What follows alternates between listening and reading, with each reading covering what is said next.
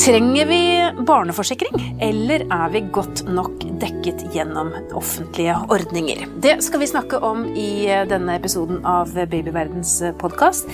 Jeg heter Karine Næss Frafjord og er redaktør i Babyverden. Og jeg har besøk av Karlin Moen, som er kommunikasjonsrådgiver i Norsk familieøkonomi.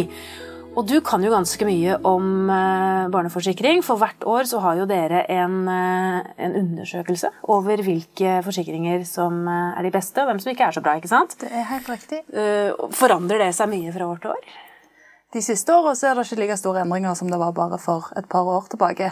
Det er mindre justeringer fra år til år nå enn det det var før. Betyr det at de har funnet en slags standard de legger seg på? da, eller? Det virker litt sånn, men samtidig så er det jo plutselig noen som snur helt om og lager helt nye produkter. Så vi venter bl.a. på et som skal komme nå snart, som vi ikke helt vet hva vi kan forvente av.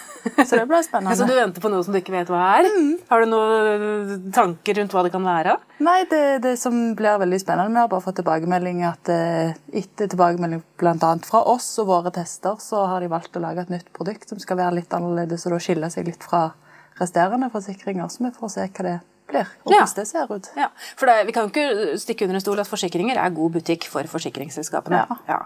Og da er jo spørsmålet trenger vi alt de tilbyr, og spesielt dette med, med barneforsikring. Eh, trenger foreldre, som selvfølgelig ønsker det beste for barna sine, en egen forsikring på dem? Mm, det er jo et veldig bredt spørsmål, litt vanskelig å svare på sånn med to streker under svaret, for å si det sånn. men det man må gå litt i seg sjøl og tenke på hva man føler man trenger av egen trygghet. For den måten vi ser på barneforsikring, det handler òg om ikke bare å forsikre foreldrene hvis det skulle skje noe med barnet, men òg sikre barnet langt fram i tid. Mm. For ja, vi er dekka med gode offentlige ordninger i forhold til at ungene får, ungene får de, den behandlingen de trenger, og plass på sykehus og den typen ting. Men hvis du blir ufør allerede som barn, og du ikke har mulighet til å komme deg inn i boligmarkedet osv., så, videre, så blir du jo boende hos foreldre eller på institusjon potensielt, istedenfor at du kan komme deg ut og være selvstendige. Og det er på den måten vi ser på barneforsikring. Mens det er andre som ser på det mer hvor mye det hjelper foreldrene. For det er da jo litt forskjell fra selskap til selskap om de prioriterer utbetalinger som går til foreldre, som hjelper akkurat når barnet er sykt, f.eks. dagpenger på sykehus, eller om de prioriterer langsiktige utbetalinger til barnet, som f.eks. uførepensjon, som vil hjelpe potensielt helt fram fra du er 18-20 til du er 67. Da ville vel foreldre sagt ja takk, begge deler? vil de ikke det? Det er akkurat det, og det er jo det vi òg vil. Ja. Så de som er kåret til best test, skal jo helst ha begge deler. Ja. Og det finnes? Ja, det gjør det. Så, så, det er ikke noe tvil om at man kan få ekstra støtte gjennom en forsikring som man ikke kan få gjennom det offentlige. Absolutt. Ja, så da konkluderer vi med at det kan være lurt da, kanskje å ha en forsikring? Ja, vi syns jo det, og, og, men vi skal jo ikke sitte og si det passer for alle. For det kan jo være ganske dyre forsikringer. Ja. Sånn som fjorårets test, så var det jo to stykk som havna på toppen, der den ene var luksusvarianten med da tilsvarende prislapp, mens den andre var så å si tilsvarende, men med mye lavere prislapp. Så vi må undersøke det òg. For det er ikke verdt å kjøpe deg trygghet hvis du egentlig ikke har råd til det heller. Nei, Så det å gjøre god research i forkant før man velger forsikring, det er også viktig? Be om tilbud fra flere og sammenligne både priser og vilkår. For det er ikke heller ikke vits å kjøpe en forsikring som ikke har gode nok vilkår. Da, du ikke, da, får du ikke det du betaler for. Men dere i Norsk familieøkonomi dere er helt uavhengige dere, mm. når dere vurderer disse forsikringene, ja. så dere kan man stole på? Ja. Ingen bindinger? Ja, nei, jeg sitter ofte og krangler jeg, hvis, de ikke er uenige, eller hvis de er uenige i det jeg sier. så det det står jeg bare i. Ja, Men det er godt. Men si da at man har barn. Um, og så er det jo sånn at man vet jo aldri hva som kommer. Mm. Og man må jo fylle ut noen skjemaer. Betyr det at det kan være lurt og hvis man en, bestemmer seg for å ha en forsikring, at man tar den veldig tidlig? Før man eventuelt får noen sykdommer å fylle inn i dette skjemaet? Ja, du kan jo risikere at hvis du har fått en sykdom, så kan du få en reservasjon på deler av forsikringen basert på den sykdomshistorikken. Ja. Så det er absolutt på den måten så kan det være verdt det. Men de er de er veldig gode på å på en måte videreføre og ikke legge sånne harde reservasjoner på at det gjerne skal gå litt tid, og så forsvinner den reservasjonen. Men, men hvis, så lenge du tegner når du er frisk, så får du ikke reservasjoner. Og Nei. hvis du har venta og du har blitt syk, så risikerer du reservasjoner, ja. For det er jo gjerne ofte at det har skjedd noe. Man tenker mm. at man skulle hatt en forsikring, og da er det kanskje Ja, men det ikke er for seint, så, så, kan det være restriksjoner. Ja, og ja. det er jo det som er litt dumt med forsikring, for du skal jo forsikre deg mot noe du ikke vet om kommer til å skje, eller sånn, og da er det som du sier, det er vanskelig å ta den avgjørelsen før det gjerne har skjedd. og det er gjerne dumt. Men si det ringer en uh, nybakt far eller mor inn til deg uh, og, og, lurer på dette med forsikring. Hva, hva, er de vanligste spørsmålene dere får, og hva bør, hva bør man se etter når man skal velge? Vi får jo veldig mye spørsmål rett ut bare hva er den beste, hva skal vi velge? Ja. Og da liker ikke vi nødvendigvis å gå ut og si denne og denne skal du velge, for det må du se litt i sammenheng med deres økonomi òg, bl.a. på det som går med prisen. Mm. For det er noen som selvfølgelig har alle lyst på det beste, men alle har ikke mulighet til å betale så mange tusen kroner i året for å ha det beste. Og da kan du se på eh, det nest beste alternativet. Mm. Og da anbefaler vi gjerne at de går og leser vår test, som vi gjør årlig.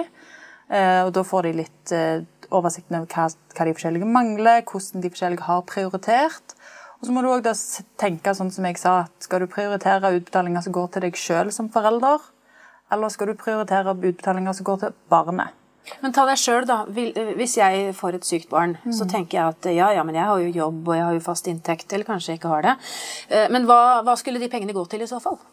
Hvilke penger tenker du på nå? De pengene som går til foreldrene. Hva ja, skal de brukes jo, på? Det er jo typisk eh, Blant annet så er det noen dekning som heter utvalgte sykdommer. Det er en engangsutbetaling som du får hvis du får en av, eh, en, en av sykdommer som står på ei liste i forsikringsdokumentet ditt, f.eks. kreft. Ja, Hvis barnet får kreft. Ja. ja. Da får du en ganske stor engangsutbetaling. Og den er det noen, De kaller den gjerne første, eller førstehjelp.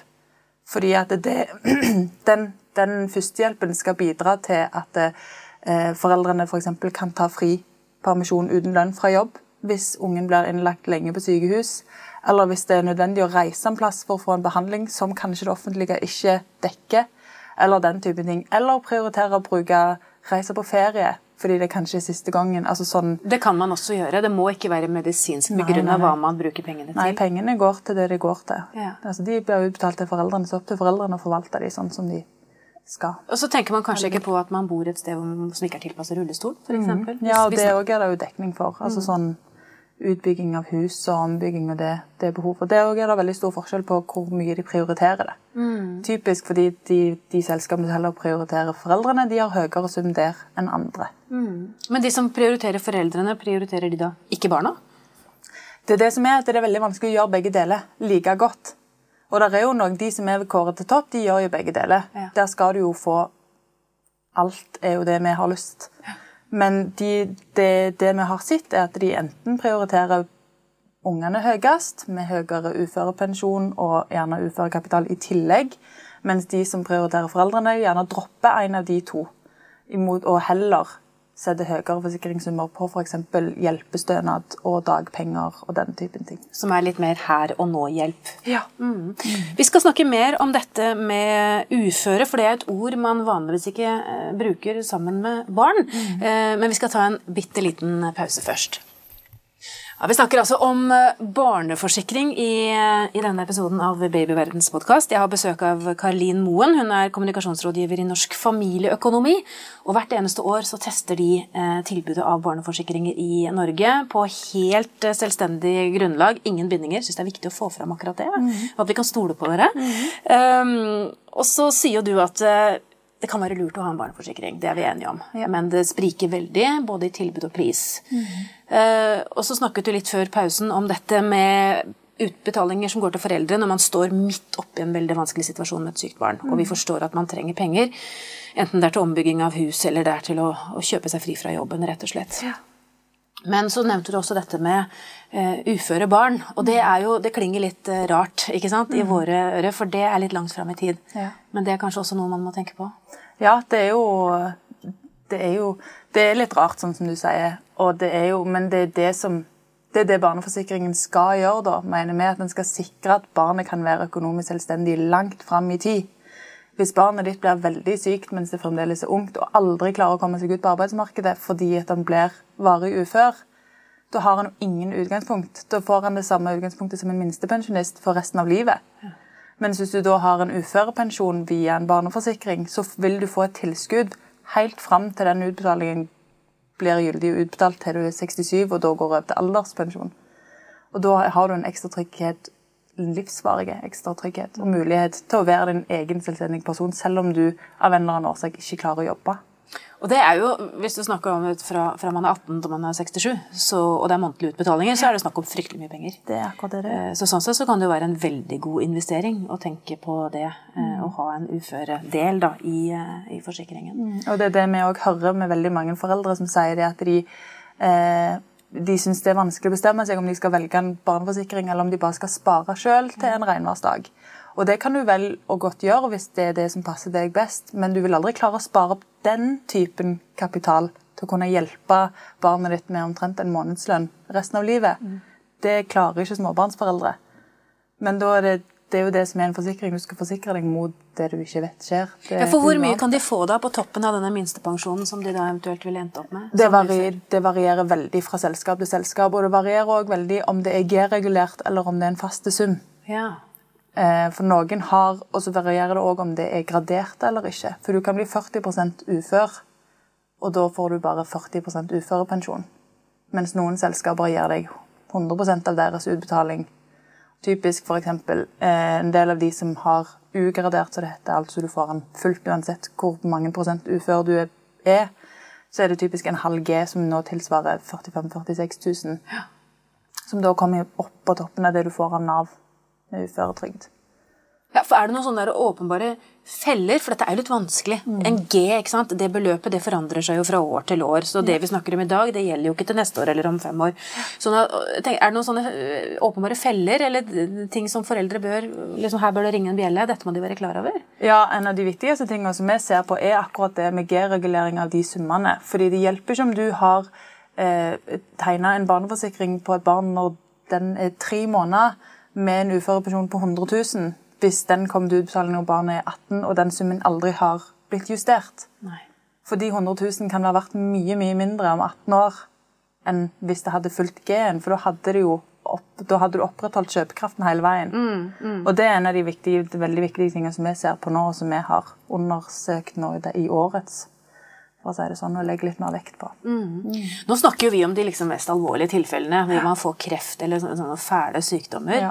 Men hva med de som skader seg litt i barnehagen, eller slår ut ei tann, eller altså på en måte opplever det som de fleste småbarnsforeldre kjenner litt på da, i løpet av de første åra? Eh, Kan forsikringen slå inn der også?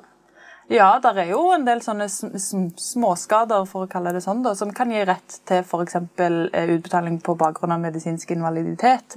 For det er òg en veldig viktig dekning som går på det med livskvalitet. Hvis du har slått ut så og så mange tenner, så vil du få i forhold til invaliditetstabellen en viss prosentgrad eh, da invalid, som de kaller det. Og basert på den prosentgraden så vil du få en utbetaling av barneforsikringen. Og dette er ikke noe med uføre å gjøre. Nei, det er helt separat. For uføre går på hvor, hvor mye du klarer å jobbe. Ja. Invaliditet går på egentlig hvor bra du får til å leve, hvor godt du har det. Ja. Og da, det er to helt forskjellige ting. ja. Hva andre ting er det som kan slå ut på akkurat det med invaliditet? da? Eh, nei, der er det jo, De forholder seg jo til den invaliditetstabellen, og der er det jo alt ifra at du får brannskader som påvirker utseendet, for å si det sånn, til at du mister synet, til mer alvorlige sykdommer. Og det er noen av de mest alvorlige, som typisk psykisk sykdommen òg, som kan slå ut der. Eh, og det er, jo, det er jo det som er viktig i barneforsikringen å huske på på akkurat det, er at de skiller mellom eh, medisinsk invaliditet ved sykdom og ved ulykke. Ja. Der er ganske mange som tar vekk den ene eller den andre fordi de mener f.eks. at medisinsk invaliditet ved sykdom det er ikke så vanlig, så det trenger vi ikke dekning på. Eller de sier gjerne det. Men så viser det seg at 40% av utbetalingene er basert på medisinsk invaliditet ved sykdom. Ja, Hva kan det være, da? Nei, Det kan jo være at du har fått typisk en sykdom som gjør at du mister synet. da. Ja. Sant? Og så hadde det egentlig gitt rett til ganske stor utbetaling, fordi at den summen for medisinsk invaliditet den er ofte ganske høy. Den er på flere millioner ofte, og så skal du ha en prosentandel av det. Da er det jo klart at de gjerne vil lure seg litt unna innimellom. For det som slår meg når jeg snakker med deg nå, er at det finnes jo veldig mange tilstander som man faktisk ikke har tenkt over. Mm. Jeg tenker jo over at man slår ut ei tann eller knekker en arm på den ene siden, eller at man får kreft på den andre siden, men det er jo fryktelig mye imellom her. Som kanskje kan være greit å, å ta med seg. Eh, at vi kan møte på mange humper i veien eh, som foreldre når det gjelder barna våre. Eh, men hva, hva, er, ditt inntrykk av foreldre? Er de opptatt av dette? Ja, og vi ser jo på, basert på statistikken at det er antall foreldre som forsikrer ungene sine, det skyter jo i været nå i forhold til bare for noen år siden. Så folk er veldig opptatt av det og jeg tror de føler seg trygge med å bare forsikre seg litt ekstra. Og det er en reell eh, trygghet, mener du? Ja, det vil jeg påstå. Nå skal ikke jeg sitte og uttale meg i forhold til hvordan behandlingen av sakene og sånn er innad i forsikringen, for det er vanskelig for oss å teste. Ja. Men innholdet i forsikringen er blitt betydelig bedre de siste åra. Det kan jo jeg se bare spesielt på to eksempler som jeg har sett. For noen år siden så spurte vi om eh, i hvilken grad selskapene dekte psykiske lidelser. Hvis barnet ble ufør, f.eks. basert på psykiske lidelser. For det var veldig aktuelt for noen år siden, og er fremdeles aktuelt. Og fra et år til et annet så gikk alle fra å svare nei til alle å svare ja plutselig. Akkurat. Så sånne ting forbedrer seg jo med tida. Og det samme gjelder med den lista med utvalgte sykdommer. Den òg har gått ifra å inneholde 3, 5, 6, 9 til å være 12 og 16 og 14.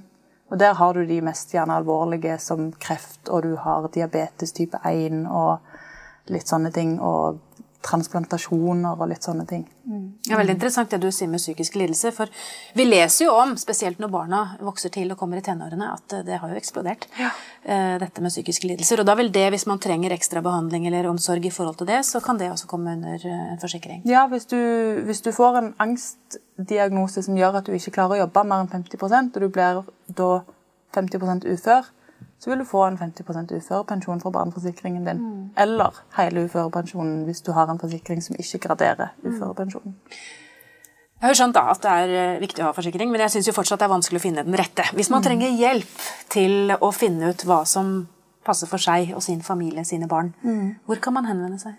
Vi, vi er jo veldig glade for å svare på spørsmål om akkurat det, og det er jo en av de grunnene til at vi skriver vår test. Eh, Og prøve å få den ut så mye vi kan, for vi syns det er veldig viktig at eh, folk leser og setter seg litt inn i og har forståelse for hva de egentlig kjøper. Fordi eh, som du sier, det hjelper ikke å tegne en forsikring hvis du ikke vet hvordan du kan bruke den, og hva den egentlig dekker. Ja. Så vi skal ha ny test nå på nyåret, og da kommer vi til å understreke de viktigste endringene og litt av det vi har sett på i år, og gi nye ny terningkast. Så det blir spennende å se om det endrer seg fra i fjor. ja, det gjør det. Og så får vi bare se. Men må man være medlem i Norsk familieøkonomi for å få lov å ringe dere? Eh, ringer er alltid lov, men med den rådgivningen som vi driver med, den er jo forbeholdt medlemmer. så klart. Men det dere driver med, er rett og slett å rådgi Det ligger jo i navnet Norsk familieøkonomi. Altså Dere rådgir i forhold til spørsmål, ikke bare på forsikring, men andre ting. Men, men hvis man da har spørsmål, så, så har man mulighet for å, for å ta kontakt med dere og spørre hvis man er medlem. Absolutt. Ja, Vi svarer på spørsmål både på telefon og på mail og alt sånt, så det er bare å ta kontakt. ja. Strålende.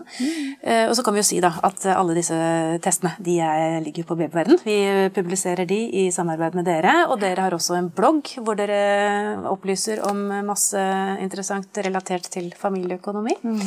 Så takk skal du ha, Karlin Moen, som altså er kommunikasjonsrådgiver i eh, Norsk familieøkonomi. Hvis du lurer på mer om dette temaet, finner du mange artikler på babyverden.no og diskusjoner med andre i Babyverdens forum.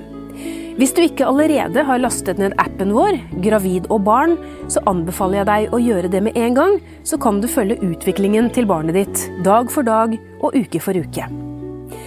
Siden du er opptatt av graviditet og barn, kan det også være lurt å abonnere på Babyverdens podkast, så får du nye episoder automatisk hver uke. Det er også vi som lager podkastserien Gravid uke for uke. Den bør du også få med deg hvis du har barn i magen. Har du kommentarer eller et tema du ønsker at vi skal belyse, så kan du sende en e-post til podkast at babyverden.no. Men husk at vi som lager denne podkasten er journalister og ikke helsepersonell. Så hvis du har medisinske spørsmål, må du ta kontakt med jordmor eller fastlegen din. Ha det godt til vi høres igjen.